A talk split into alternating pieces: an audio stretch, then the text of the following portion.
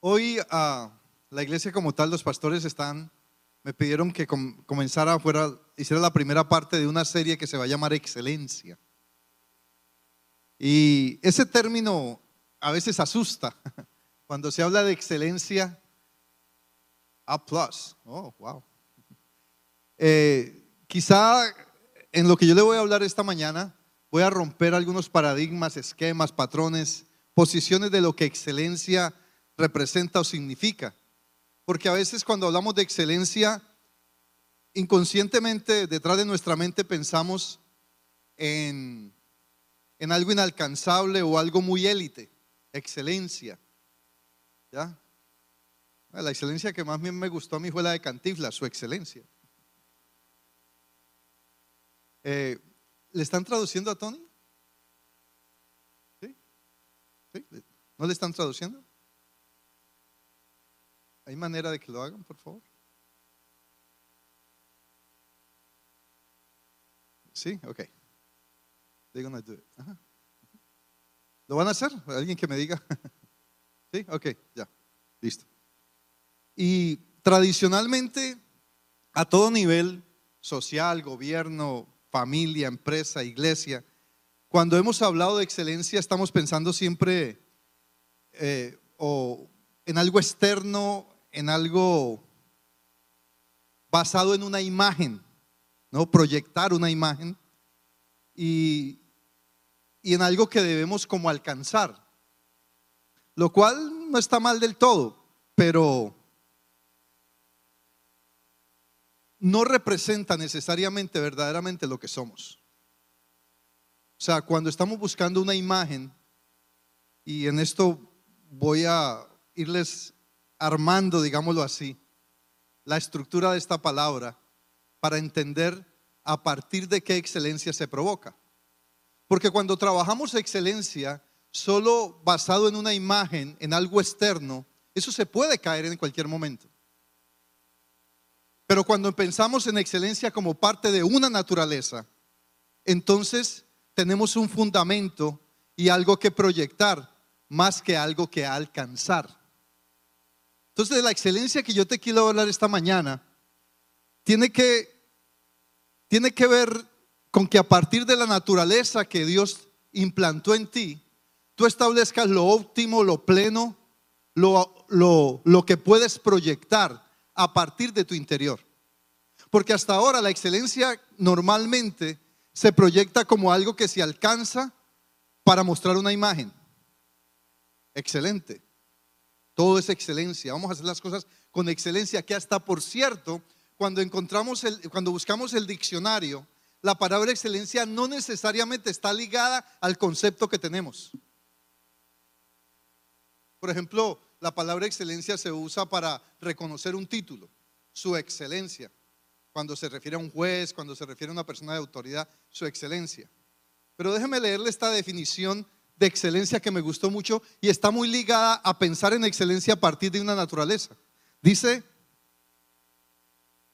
saber servir con placer y apoyar a los demás para poder hacer las cosas mejor.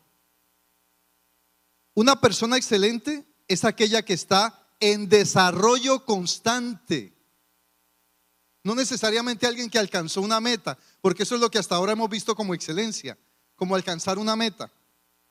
Ahora, si estamos diciendo que excelencia parte de la naturaleza, si vamos a decir que excelencia parte de, la naturaleza de Dios en nosotros, entonces estamos hablando que se genera a partir de una condición interna. Pero hasta ahora lo que hemos hablado de excelencia y se conoce como excelencia a nivel de gobierno, empresa, iglesia, es la imagen que podemos proyectar. O sea, algo externo. Estamos, ahí nos vamos ubicando.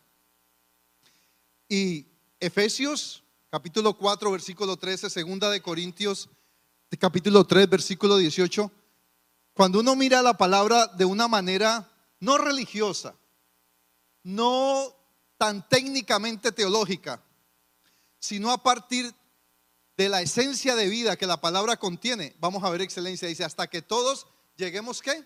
A la unidad. ¿Quiénes? Todos. De la fe y del conocimiento del Hijo de Dios a un varón qué? Perfecto, pero cuando hablamos de excelencia, hablamos más de perfeccionismo que de algo perfecto. Y aquí la palabra perfecto, teleios, tiene que ver con qué? Con madurez, con constante desarrollo. Porque la madurez tampoco es una meta, la madurez tampoco es algo que alcanzo, la madurez es algo que constantemente qué? Proyecto y provoco. Entonces, cuando estamos hablando de alcanzar esa estatura de Cristo, llegar a ese nivel de ese varón perfecto a la medida, la estatura de qué? De la plenitud de Cristo. Eso se llama excelencia. Eso es excelencia. Segunda de Corintios capítulo 3 versículo 18. Mira esto interesante. Por tanto, nosotros quiénes? Todos. Todos estamos incluidos en esto. O sea, lo que nos lleva a entender que la excelencia no es un tema de unos cuantos o de una élite. Es un tema en Dios de quiénes? De todos. Y dice, mirando a cara qué? Descubierta. ¿Como en qué? Como en un espejo. ¿Qué miramos? La gloria del Señor. ¿Que somos qué? Transformados de qué? De gloria en gloria, en proceso, hasta alcanzar la, la excelencia. ¿La excelencia de quién? de Cristo como por el Espíritu. ¿Estamos? Vamos amarrando el tema. Y estos son tiempos, escucha mi iglesia, donde necesitamos entender que alcanzar la excelencia a todo nivel requiere y parte de la naturaleza de Dios. Una de las cosas difíciles que yo veo en la iglesia de hoy es que aunque conocemos la palabra, leemos la palabra, escuchamos la palabra, no nos detenemos a materializar, a, encarnar esa palabra en nosotros, porque la palabra es muy contundente.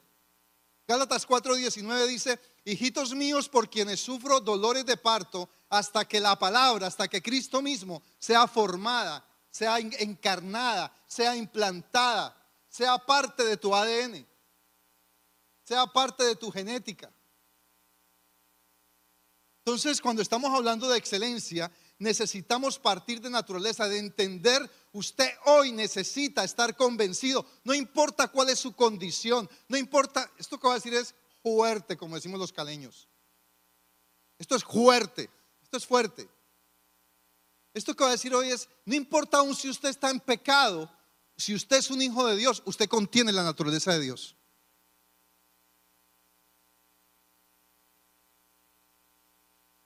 Porque su apellido es su apellido, así usted lo deshereden. El apellido no se lo pueden, ni la genética se la pueden quitar, ¿sí o no? Entonces la genética de Cristo, ni siquiera el pecado, en ese sentido. ¿Por qué? Porque abogado tenemos para con el Padre. Y entre otras cosas, déjeme hacerle este paréntesis. Porque es que cuando los cristianos fallamos, y que déjeme decirle algo, Cristo presupuestó que usted y yo íbamos a fallar. Pero toda esa cultura de mala enseñanza nos llevó a que cuando fallamos, Cristo sale corriendo y el Espíritu por ahí derecho. Ahora, si eso fuese así, ¿quién lo va a redarguir a usted de pecado? ¿Quién lo va a si, si, la palabra dice que Él me redarguye de pecado, de justicia y de juicio, si el Espíritu se va, ¿quién me va a redarguir? Entonces quitémonos esa, idea de la cabeza. Cierro paréntesis. Entonces, estamos en que usted contiene la naturaleza de Dios. Amén. Contenemos la naturaleza de Dios. Eso es un estado de derecho en su vida. Es un estado de derecho. Usted contiene la naturaleza de Dios. Es un estado de derecho. Eso no es una opción. Eso no es un me lo quito, me lo pongo. Es un estado de derecho. Es algo que Dios implantó en su vida como un derecho de hijo, su genética. La naturaleza de Dios dice la palabra en, en segunda de Pedro capítulo 1 versículo 4 que nosotros somos partícipes de qué? De su naturaleza divina. O sea, usted contiene, usted no puede salir hoy pensando menos de esto, de que usted contiene, usted es portador de la genética, del ADN, de la naturaleza de Dios. Amén. Denle ese aplauso al Señor. Y yo no estoy hablando hasta ahora de conducta, porque es que eso lo hemos limitado a la conducta.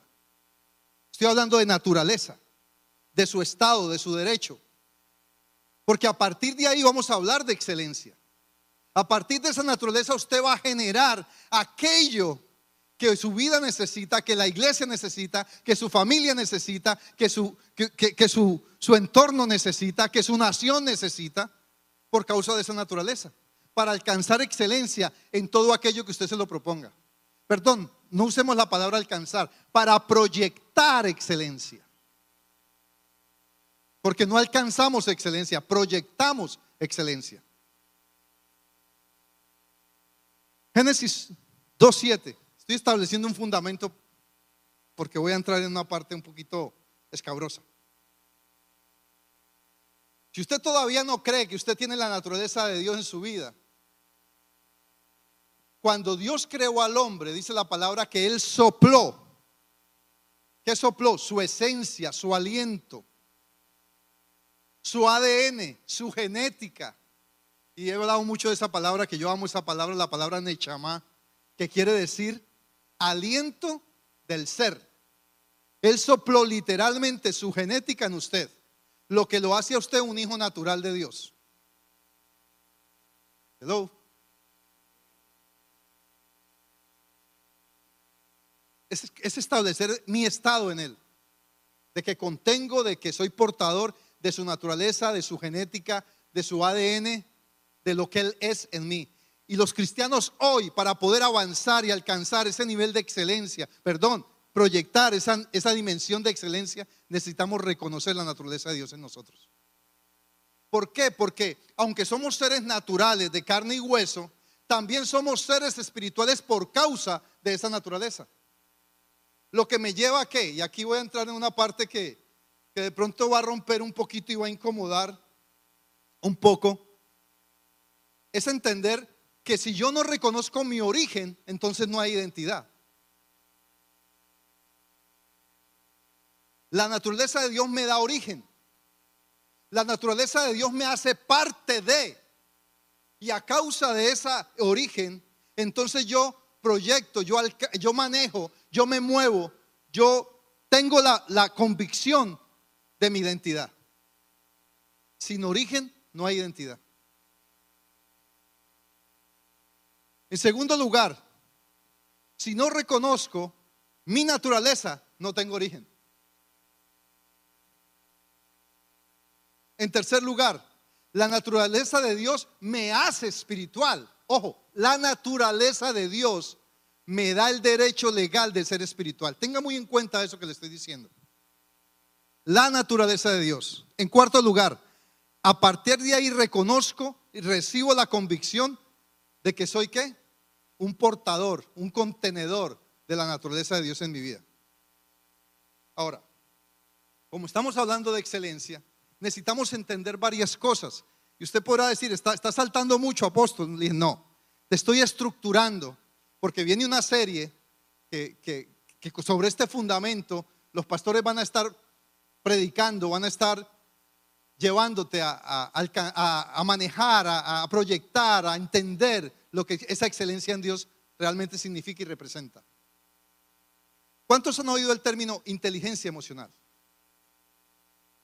Eso es algo que se está oyendo mucho hoy por hoy, la inteligencia emocional. Y, se ha vuelto algo muy técnico y muy chic, inteligencia. O sea, uno oye esa palabra y dice, el que sabe de eso está, está actualizado. Y yo te quiero hablar de eso. ¿En qué sentido? En una manera simple para que cuando tú lo escuches, porque eso se está moviendo en las redes sociales, porque se está hablando de muchas cosas y se está pendulando el tema de la inteligencia emocional hacia algo que, que está acomodándose al sistema, pero no realmente viendo la raíz de lo que eso significa. A ver, Dios nos creó, y esto no es psicología, aunque obviamente lo maneja la psicología, perdón, Pastor Villa. Tiene que ver con, con lo que Dios hizo. Dios nos dotó con una inteligencia racional, ¿Estamos? La capacidad de pensar, de decidir, de tener una voluntad. Eso es una inteligencia racional. Pero también nos dio una inteligencia emocional que tiene que ver con las emociones, sino que ahora lo tecnificaron y le llaman inteligencia emocional. Ahora, Dios nos creó para mantener un balance entre mi capacidad de pensar y mi capacidad de sentir. Estoy hablando de excelencia todavía. Esa inteligencia emocional se ha hecho tanto énfasis basado en qué? En la cultura emocional con que el mundo se está moviendo. Porque todo se está decidiendo no por la inteligencia racional, sino por la inteligencia emocional. ¿Por qué? Porque están los sentimientos. Y los sentimientos son los que manejan nuestras pasiones, nuestros deseos, nuestro ímpetu, nuestras ganas de cosas, nuestros anhelos. Pero nos estamos olvidando de esa inteligencia racional para gobernar nuestra vida, la sociedad, la familia, el mundo con la inteligencia emocional.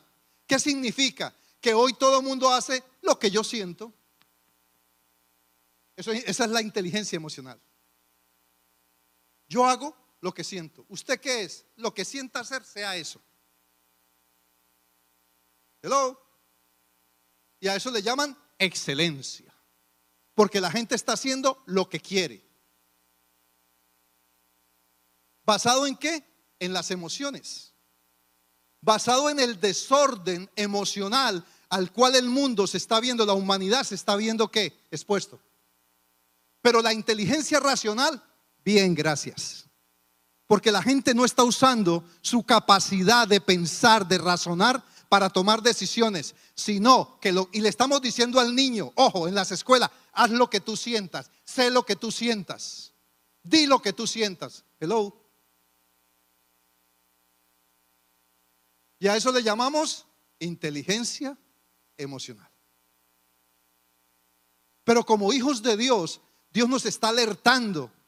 Y ese es mi trabajo también como apóstol, abrir tus ojos para entender, para ver lo que está pasando a tu alrededor y saber que son temas de los cuales como iglesia debemos estar al día con ellos.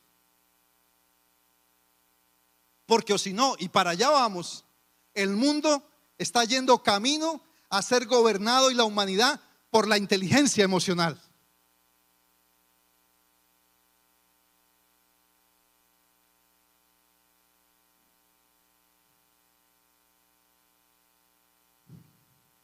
Y ya lo dije, su mayor componente.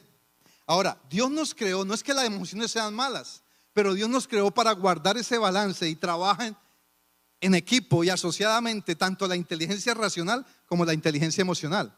Voy a tener emociones, pero siempre voy a, a usar mi capacidad de razonamiento para que mis emociones no determinen cuál es la mejor decisión. Ahora, el problema es que a causa de, la descomposición que el pecado ha traído, estos dos se han vuelto enemigos. La inteligencia racional y la inteligencia emocional se volvieron enemigos. Uno, por ejemplo, ve a alguien emocional y va y le dice, no, no hagas eso. Ah, ya vas a venir con tus sermones aquí. Ah, con tus conceptos antiguos. Ah, no, es que como usted ya tiene 40 años, piensa diferente a mí. Pero realmente es esa dualidad que hay entre lo emocional y lo racional. ¿Cuándo fue la última vez, pregúntese, que usted tomó una decisión racional?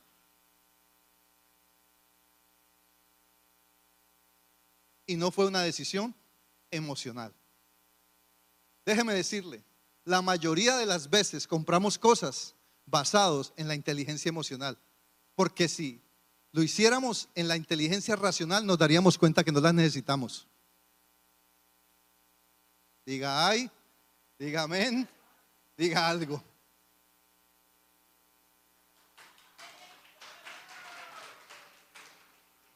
Los esposos me van a amar, las esposas me van a odiar.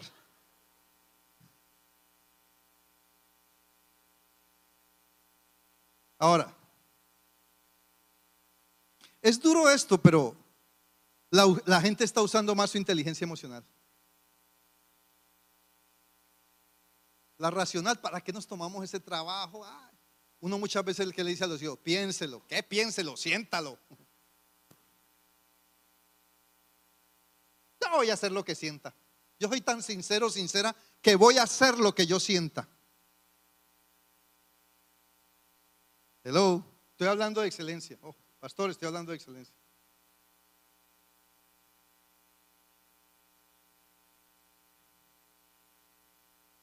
Ahora, es importante reconocer que contenemos la naturaleza de Dios. Cuando entendemos eso, cuando lo aceptamos, cuando entendemos nuestro origen, nos identificamos con lo que somos. ¿Cuántos lo creen? Y lo que ha pasado con todo esto es que el orden de Dios se ha estado invirtiendo. ¿Y sabe quién es el agente inversor más grande? La iglesia. Le voy a decir por qué. Voy a poner esto como ejemplo. Nosotros somos seres espirituales. ¿Cuántos creen eso? Somos.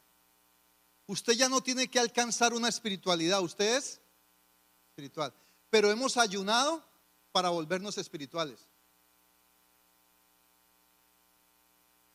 Hello. ¿Cuántos aquí hemos ayunado para volvernos espirituales? Pero ¿qué me dice la palabra? Ojo, no estoy en contra del ayuno, no me malentienda. Porque soy espiritual, ayuno.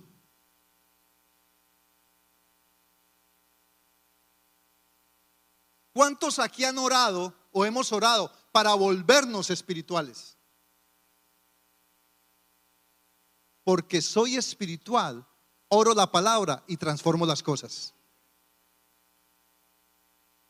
¿Usted alguna vez ¿Vio alguna oración o alguna pretensión o alguna sugerencia de Cristo orando para volverse algo?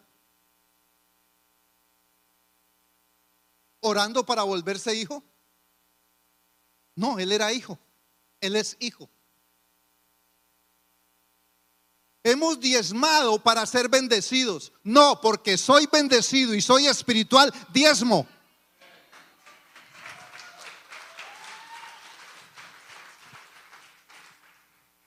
Necesitamos invertir. Eso es excelencia. Estamos hablando de excelencia, ¿verdad? Eso es excelencia. No es un tema de alcanzar algo, es un tema de proyectar lo que soy. Pero tengo que asegurarme cuál es mi origen. Tengo que asegurarme cuál es mi naturaleza. Y mi naturaleza es espiritual en Él porque Él nos ha hecho partícipes de su naturaleza divina. Ahora, hemos hecho muchas cosas para ser excelentes. Porque soy excelente, voy a proyectar y voy a alcanzar todo aquello que perfeccionará lo que ya tenía. Hasta que todos lleguemos a la estatura, a la unidad de la fe a la estatura de Cristo. Entonces, no voy a salir diciendo, uy, el apóstol se fue como tres meses y volvió con una nueva doctrina. No, el apóstol ha seguido estudiando, que es otra cosa. No, ahora pues ya van a tener miedo porque el apóstol se va 15 días y vuelve con una herejía. No, es entender quién realmente eres. Es saber que la religión, que la cultura religiosa, que la cultura de iglesia, de una manera bien intencionada, pero mal informada, nos invirtió el sentido de las cosas. Porque cuántas veces nos han mandado a diezmar, perdón, a ayunar para ser espirituales. Hemos ayunado, yo he hecho ayunos también en mi vida largos, de mediodía. para alcanzar algo, para torcerle el brazo a Dios, porque ese es el sentido de la inteligencia emocional en nosotros. A ver cómo si esta vez le muevo el brazo a Dios. Ay, Dios es bueno, mi Diosito es bueno. Seguro que esta vez sí mm, me va a hacer el milagrito. Y así hemos vivido la vida cristiana. Pero sin origen. Por eso no nos hemos identificado con lo que verdaderamente somos. Yo quiero decirte, tu origen hoy es Cristo. De ahí partes. Porque eres contenedor, porque tienes el estado de derecho que Él te dio de contener su, su ADN, su naturaleza, su genética, su diseño. Entonces la excelencia tiene que ver con modelar ese diseño, no con crear otro diseño. Todo lo que tenga que ver con excelencia tiene que ver con modelar. Lo que yo modelo determinará mi excelencia. Lo que yo modele determinará mi excelencia. Escúchame. Ya no hagas nada para ser bendecido, porque eres bendecido. Proyecta tu bendición. Dale ese aplauso al Señor. Ahora, ¿hasta qué hora dura el servicio? Hasta las... Sí, pero... Ah, me queda eso.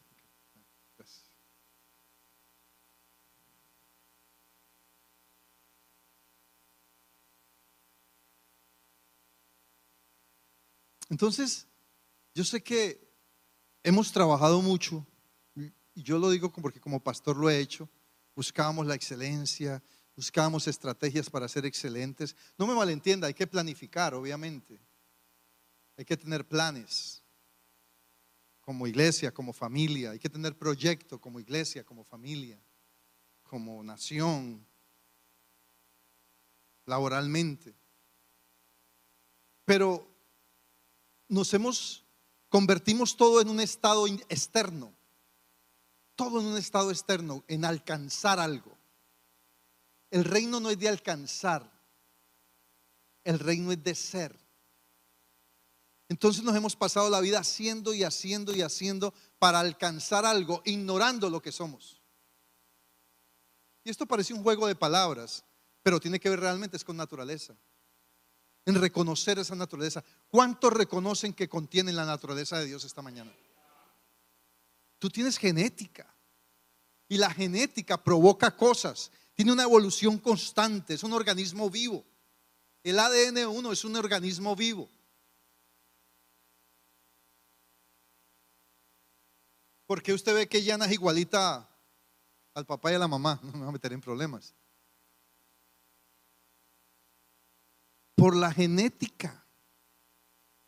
Por la genética. Porque hay unos genes, hay una naturaleza de su papá y su mamá contenida en ella que le permite proyectar, modelar esa apariencia. Eso pasa con la excelencia también. No alcanzaremos o no, no proyectaremos excelencia si no reconocemos la genética de Dios en nuestra vida. Y si no convertimos esto a partir de un estado interno y dejar de movernos en una apariencia externa, lo cual es importante, no me malentienda, pero eso va a ser el fruto de un diseño que está implantado en mí que yo voy a modelar. Porque los diseños fueron dados para qué? Para modelar. Pero nos hemos pasado haciendo cosas para alcanzar Ahora, no vayas a salir aquí, ah, el apóstol trajo una nueva, ya no hay que, ya no hay que ayunar, eso es una pérdida de tiempo.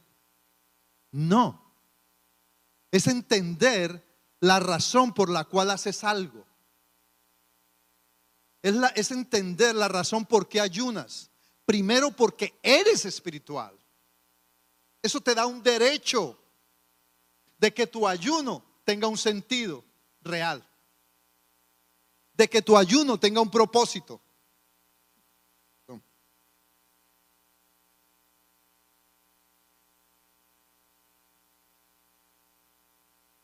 Ya no busques más ser espiritual.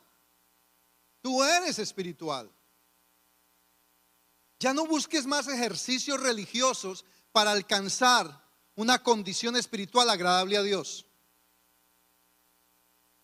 Colosenses 2.20, ahí te, incomodo con ese, con ese versículo, Oscarito, por favor, o quien esté manejando. Colosenses 2.20, 2.18, te voy a leer algo para amarrarte mejor esto y entender que hemos gastado demasiado tiempo tratando de hacer sin ser.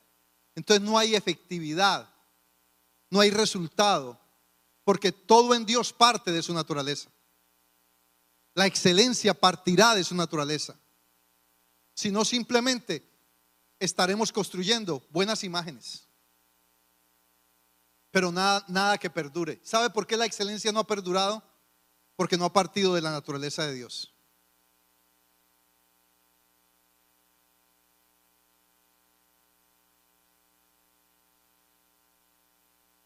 2, Colosenses. 2, 2, 2, 18, perdón, 2, 18. Wow. He leído muchas veces este versículo, pero cada día, cada vez lo he ido entendiendo más, he ido siendo más atrevido con su interpretación. Dice, nadie os prive de vuestro premio afectando qué? Humildad y culto a los ángeles, haciendo cosas, entremetiéndose en lo que no ha visto, vanamente hinchado por su propia qué? Mente carnal, pero no por la naturaleza de Dios. 19. 19. Y no haciéndose de la cabeza en virtud de quien todo el cuerpo, ¿quién? Todo el cuerpo, nutriéndose por las coyunturas y ligamentos, o sea, por cada parte, crece con el crecimiento que da quién? Que da Dios. ¿A partir de qué? De su naturaleza. Versículo 20.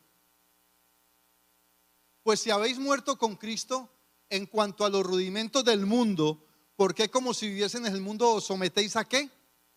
A preceptos, a conceptos, a posiciones, a ideas, a opiniones, a formas, a estrategias. 21. Cosas, escuche esto, tales como no manejes, ni gustes, ni aún toques, esto es malo, esto es bueno, esto no lo hagas, esto sí lo haces, esto no está bien, esto está mal. Y así hemos vivido todo, calificando, calificando todo el tiempo. Pero mira lo que dice. Y aquí hay una parte muy buena, versículo 22. En conformidad a mandamientos y doctrinas, modelos, posiciones, ensayos, estrategias, imposiciones, demandas de hombres Cosas que todas se destruyen con qué? Con el uso. O sea, hemos ejercitado cosas que terminan destruidas porque han sido fundamentadas en tradiciones y en posiciones. En lo que hacemos, pero no en lo que somos.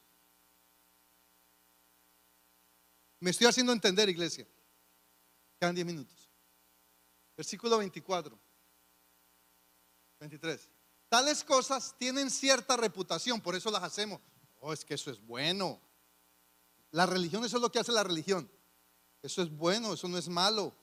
Tienes que hacerlo para que el Señor te haga esto. Tienes que sufrir esto para alcanzar esto. Tienes que llorar aquí para reír acá. Porque si ríes aquí vas a llorar acá. Si te va mal aquí, entonces después te va a ir bien. Si la prueba está siendo de grande, así va a ser la bendición.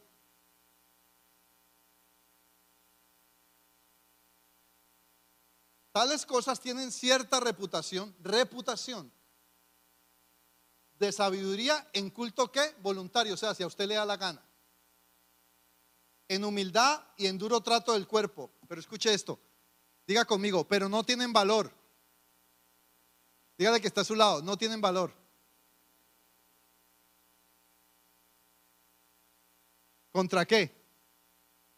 Contra volverse espiritual. Porque ¿qué es lo contrario a ser espiritual? Los apetitos de la carne.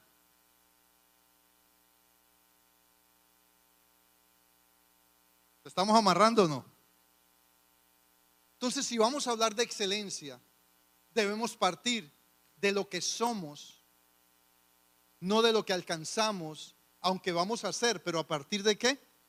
De mi identidad y de mi origen. ¿Está claro, iglesia?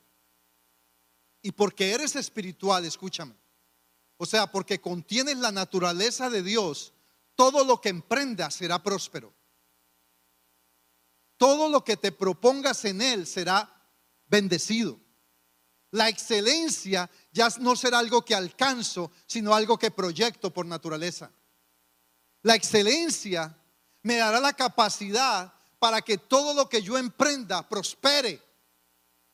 Y lo que antes hacía motivado por alcanzar algo, ahora de una manera simple, cuando lo hago por quien soy y por causa de ese ADN, de esa genética, de esa naturaleza, entonces veré el fruto, entonces veré que las cosas avanzan. Y como te leía en el principio de lo que representa excelencia, entonces voy a saber servir con placer para apoyar a otros, para ver a los demás crecer conmigo para poder hacer las cosas mejor, para ser esa persona excelente, aquella que se desarrolla constantemente, no la que alcanzó algo. Porque hay gente que solamente se pone un gol y ese ha sido el problema de nuestra cultura, que nos ponemos metas, que nos ponemos niveles, pero no miramos una dimensión. Entonces llegamos a cierto punto y nos aferramos a eso y nos quedamos con eso. Ponemos la bendición como una meta, la alcanzamos y nos aferramos a ella y nadie nos la va a tocar. La bendición no se protege, la bendición corre todo el tiempo. La bendición se administra. Pero hemos cogido la bendición y especialmente este sistema nos ha enseñado que hay que coger la bendición y aferrarse a ella y cuidarla como a veces hasta más que a los hijos. Diga ay, diga amén, diga algo. Entonces, ya termino. Este es mi primer término.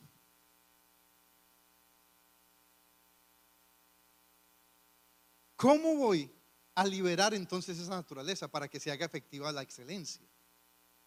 ¿Cómo lo voy a hacer? Lo primero, lo primero, usted tiene impajaritablemente, o sea, sine qua non, ya le voy a decir qué significa todo esto, simplemente reconocer que usted no importa qué, contiene la naturaleza divina de Dios en su vida. Primer punto clave en esto.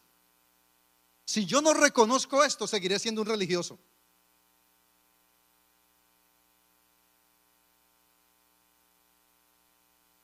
Si yo no reconozco que tengo el ADN de Dios, que, que tengo su genética, que tengo su naturaleza y que eso me da un derecho espiritual, soy un religioso porque todo lo estoy haciendo por esfuerzo y eso es lo que la religión hace, esfuerzo. Aún la excelencia tan bonita en las iglesias han tenido un toque religioso porque está basada en logros, no en propósitos. Póngala en Facebook.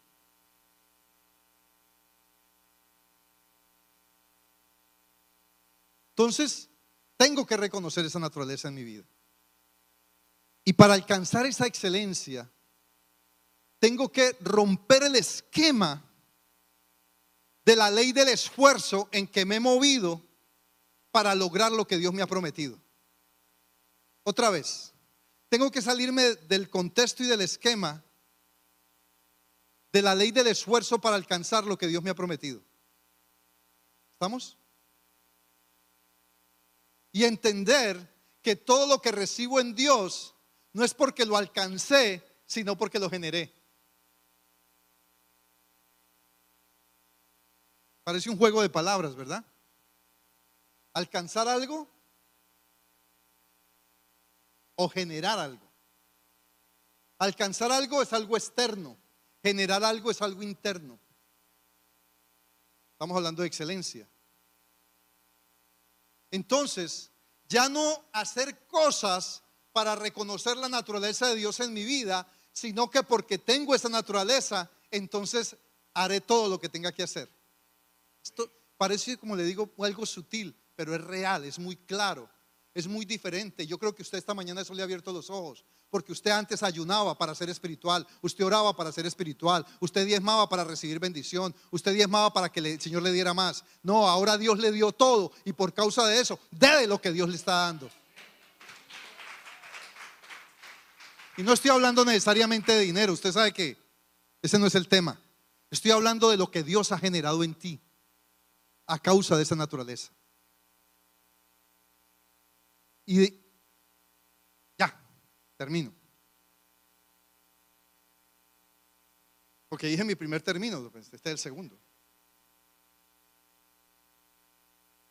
Es necesario que renunciemos a todo concepto erróneo de lo espiritual. La iglesia tiene que ser reevangelizada en eso, reinstruida de lo que es lo espiritual porque hemos caminado mal. Y me atrevo, yo soy atrevido en decirlo. La iglesia, es fuerte decir esto, pero hemos sido engañados. Hemos vivido autoengañados. buscando cómo lograr cosas, con muy buena intención. Entiende, lo espiritual no se alcanza, se genera. Diga conmigo, lo espiritual no se alcanza, se genera y se regenera. Segundo, mis obras no me hacen merecedor de lo espiritual. Mis obras no me hacen merecedor, porque soy espiritual, hago obras. Amén. Y quiero romper un, paradigma, un esquema de que hay un concepto que nos confunde entre lo que es ser un receptor y ser un generador. Y se lo voy a poner con un ejemplo muy simple. Números capítulo 22, versículo 26, creo, por ahí eso. Entre lo que es un, ser un, un contenedor, un receptor y ser un generador, alguien que contiene genética. Y es un ejemplo muy simple, la del burro. Y el ángel del Señor pasó más allá y se puso en una angostura donde no había camino para apartarse ni a derecha ni a izquierda. Y viendo el asna al ángel, esta versión es bien decente, pone el asna, de Jehová, se echó debajo de Balaán y Balaán se enojó y azotó al asna con un palo. Entonces el Señor abrió la boca del asna, la cual dijo a Balaán, ¿qué te he hecho que me has azotado estas tres veces? Sigue por favor con el otro. Y Balaán respondió al asna, ¿por qué te has burlado de, porque te has burlado de mí? Ojalá tuviera espada en mi mano, que ahora te mataría. 30.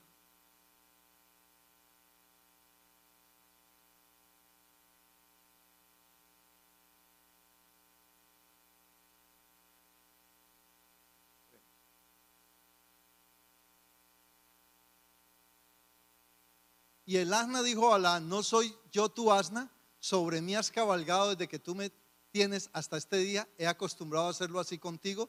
Y él respondió, no. Entonces, ¿qué vemos ahí? Dos cosas. La primera, el asna, ¿qué hizo? Habló. ¿De parte de quién? Ella fue receptora de qué? De esa gloria, de esa manifestación. Pero el asna no tenía la naturaleza de Dios. Perdóneme que le diga, quiero decirlo con mucho respeto, la iglesia está obrando como el asna, manifestando cosas, pero no sintiéndose portadora de la naturaleza de Dios. El asna, el burro, no era portador de la naturaleza de Dios, simplemente operó en una manifestación de esa presencia y de esa gloria de Dios en ese momento, porque Dios requería. Entonces muchas veces hemos obrado de esa manera porque ha habido una manifestación en nosotros, ya creemos que la hicimos. Lo que le pasó a Pedro. Mateo 18, 16. ¿Quién tú dices que yo soy? Tú eres, tú eres el Cristo, el Hijo del Dios viviente. ¿Qué le dijo Jesús? No te lo reveló ni carne ni sangre. ¿Qué pasó en ese momento? Él fue portador de una manifestación gloriosa de Dios. Pero ¿qué pasó cinco minutos después o tres versículos? Esto lo he dicho muchas veces. Le dijo, apártate de mí, Satanás. ¿Por qué? Porque en eso se ha mantenido la iglesia. Por un lado experimentamos la gloria, pero por otro tomamos decisiones diabólicas. Esto es duro. ¿Por qué? Porque nos hemos dejado arrastrar y herir nuestra inteligencia emocional. Y por eso no ha habido excelencia. Tú eres un generador de la naturaleza de Dios. De todo lo que contiene esta naturaleza, tú vas a ser capaz a partir de reconocer quién tú eres, cuál es tu origen para que camines en identidad. Amén. Vamos a creerlo, dale ese aplauso al Señor. Y entonces crearás hábitos. Los hábitos se generan, tenemos la capacidad. Ya, ya termino, me queda. Ah, no, ya les debo unos 54. Este es mi último, mi último término. Los hábitos se generan a partir de una naturaleza. Usted tiene la capacidad de generar hábitos hábitos espirituales que darán como fruto esa excelencia. Póngase de pies. Porque ya me tiraron el pianista encima.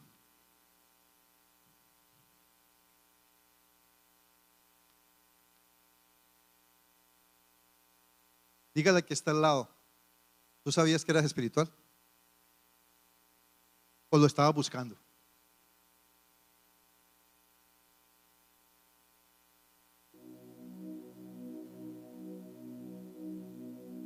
Dígale así al oído.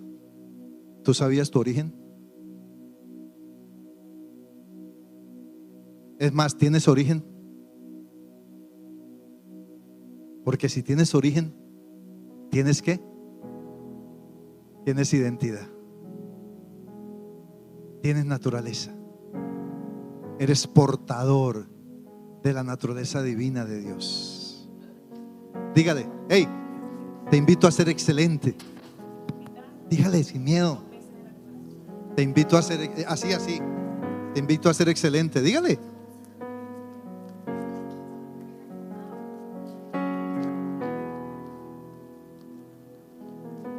Diga conmigo, Padre, en el nombre de Jesucristo, hoy reconozco públicamente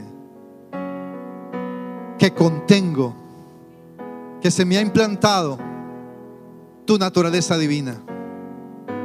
Por lo tanto, soy espiritual.